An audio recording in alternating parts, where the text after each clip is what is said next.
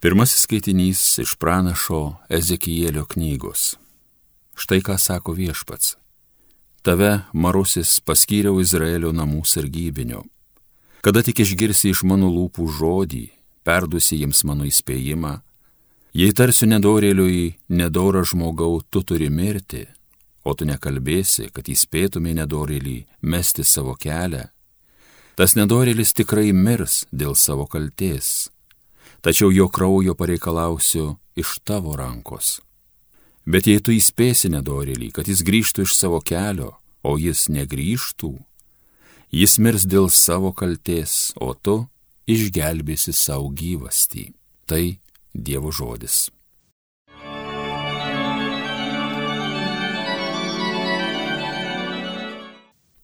O kad išgirstumėt šiandien, ką viešpats byloja, nebūkite kieta širdžiai. Ateikite, džiaugsmingai viešpačiui gėdokim, šaukim iš džiaugsmo mūsų išganimo uolai, dėkodami eikime į jo artumą, džiaugsmingai traukime šlovinimo giesmes. O kad išgirstumėt šiandien, ką viešpats byloja, nebūkite kieta širdžiai. Ateikime jo pagarbinti ir pulkime kniūpsti, klaupkime prieš viešpatį, mūsų kūrėją Juk jis mūsų Dievas, o mes tauta, kurią jisai gano, kaiminė, kurią jis veda. O kad išgirstumėt šiandien, ką viešpats byloja, nebūkite kieta širdžiai. O kad išgirstumėt šiandien, ką jis byloja, nebūkite kieta širdžiai, kaip prie meribos, kaip dykumoje masos dieną, gundė mane ten jūsų senoliai. Jie mane bandė, nors buvo matę mano darbus. O kad išgirstumėt šiandien, ką viešpats byloja, nebūkite kieta širdžiai.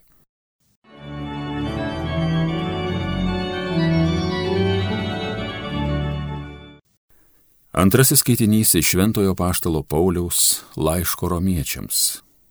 Broliai ir seserys, niekam nebūkite ko nors skolingi, išskyrus tarpusavę meilę, nes kas myli, tas įvykdo įstatymą Juk įsakymai nesvetimauk, nežudyk, nevok, negeisk ir kiti gali būti sutraukti į vieną posakį - mylėk savo artimą kaip save patį.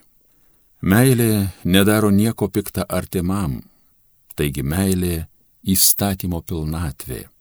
Tai Dievo žodis. Alleluja.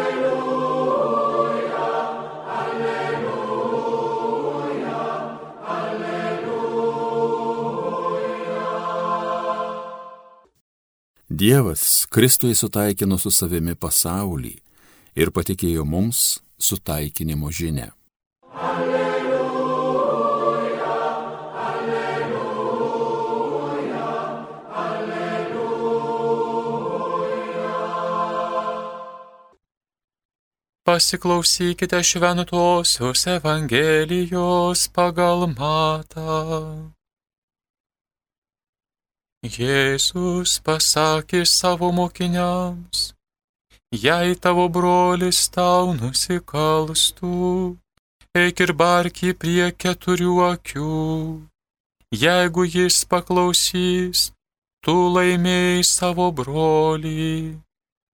O jei nepaklausytų, pasiimk su savimi dar vieną ar du, kad visa byla remtųsi dviejų ar trijų liudytojų parodymais. Jeigu jis ir jų nepaklausytų, pranešk bendruomeniai. O jei nepaklus nei bendruomeniai, te būna jis tau kaip pagonis ir muitininkas. Iš tiesų sakau jums, ką tik jūs surište žemėje, bus surišta ir danguje ir ką tik atrišite žemėje, bus atrišta ir danguje.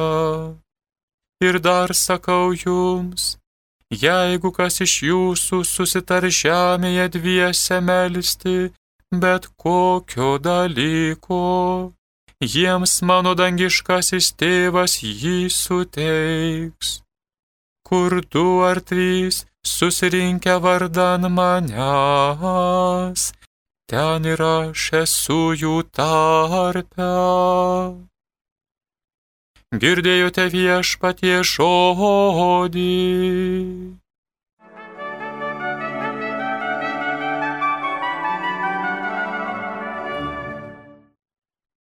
Mėly Marijos radio klausytojai, o kad išgirstumėt šiandien, ką viešpats byloja, tegu jūsų širdis nebūna storžėvės, vis kartojom ir kartojom tą psalmės priegesmį Kągi primiktinai Dievas liepia išgirsti.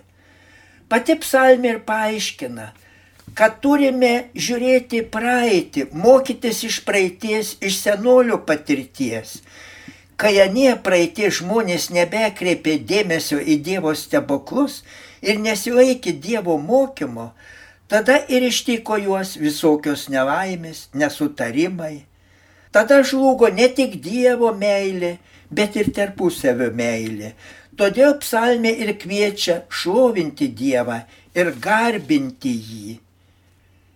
Ir paklausykite, tik paklausykite, kaip griežtai pranašas Ezekielis ragina įspėti blogą darantį žmogų. Jeigu tu neįspėsi jo ir jis pražus, aš pareikalausiu paskutinėme teisme ataskaitos už jo kraują bet įspėti reikia su meile. Ir apašto šventasis Paulius tai pabrėžia, niekam nebūkite ką nors skolingi išskyrus tarpusavio meilę.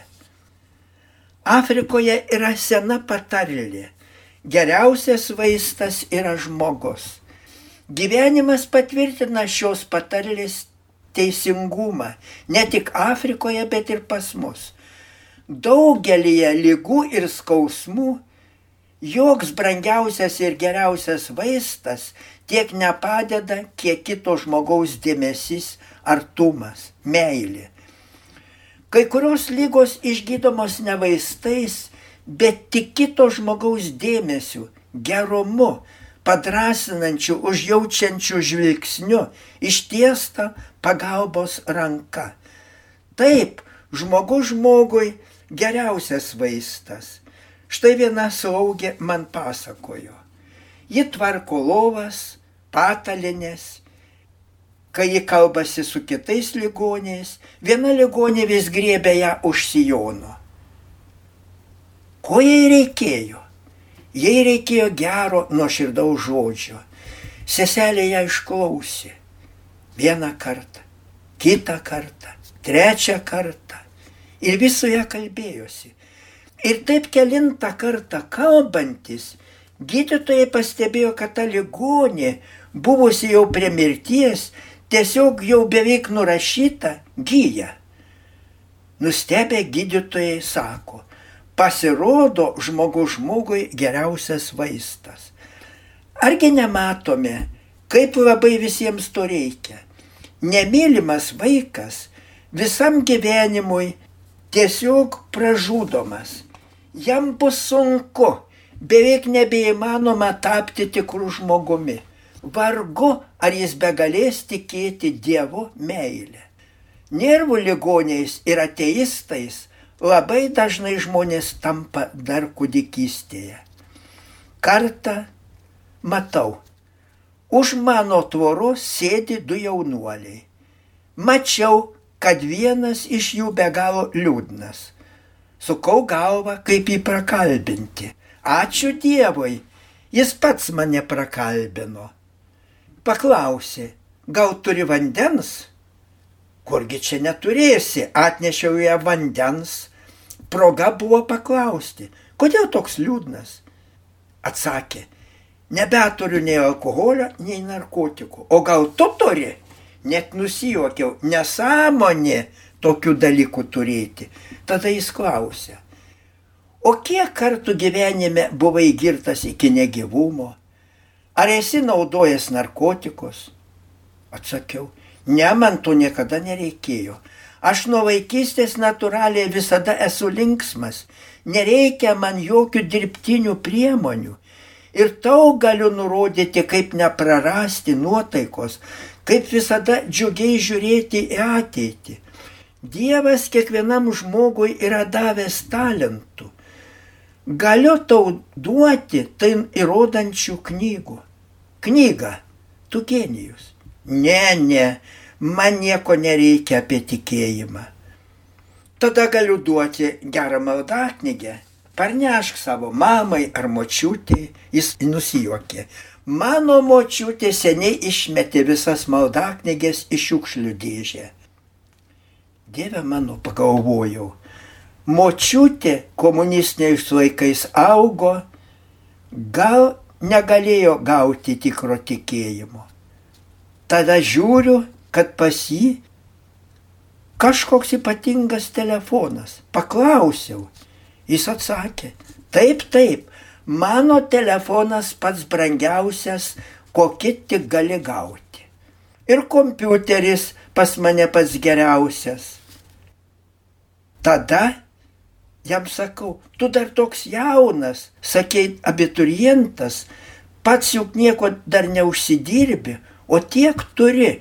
Reiškia, tėvai tave labai myli. Ha, ha, ha. Jis taip nusijuokė, kad man net baisu pasidarė.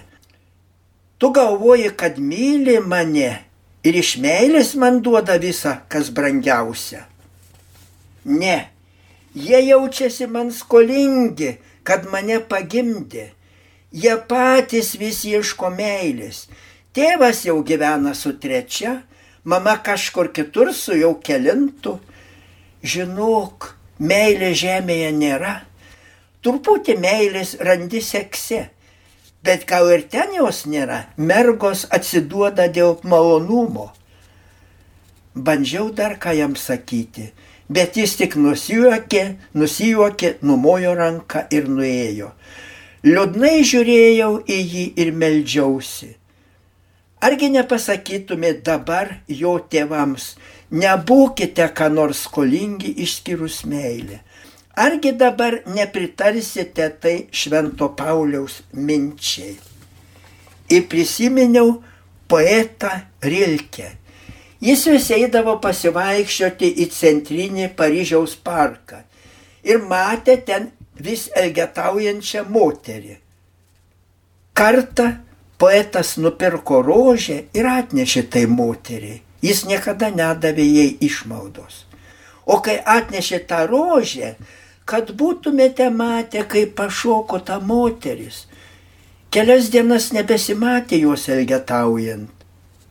Poeto draugas klausė, įdomu, kas čia atsitiko, o poetas pasakė, jai labiausiai reikėjo ne išmaldos, bet gero žodžio, jautrumo, dėmesio. Dar nuostabiau, kai poetas vėl atsiradus moteriai, jai pažadėjo surasti prieglopsį ir darbą. Ir įsivaizduokit, jis sutiko, nors anksčiau nekreipė dėmesio į jokius pasiūlymus. Ji tada pakilo, ėmė normaliai gyventi, dirbti.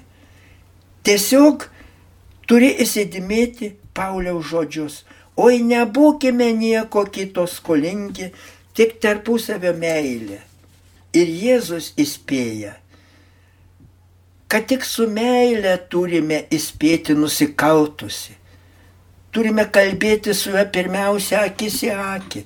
Ir dar pabrėžia, kad turime visi kartu melsis vieni už kitus. Jis sako, kur dar trys susirinkę vardan manęs, ten ir aš esu jūsų tarpe. Pasakojau jums apie tą jaunuolį, jam nueinant tada iš širdies už jį meldžiausi.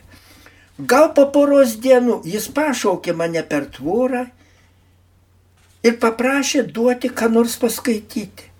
Sakykit, sakykit, kasgi galėjo jį tai pakeisti, jei ne malda. Garsusis Nobelio premijos laureatas, pirmasis pasaulyje pradėjęs persodinti žmogaus organus, Aleksis Karelis, tyrimų metu klinikose pastebėjo, kad žymiai geriau gyja tie, kurie melžiasi, arba bent jeigu kas už juos melžiasi. Jeigu jau vieno žmogaus malda tokia galinga, tai ką be kalbėti apie bendrą maldą. Štai Jėzus Kristus ir pabrėžia, Kur du ar trys susirinkę vardan manęs, ten ir aš esu jų tarpe. Todėl, brangieji, ir būtinas mūsų dalyvavimas pamaldose kartu su visais melstis. Bendra malda daugiausia keičia žmonės. Amen.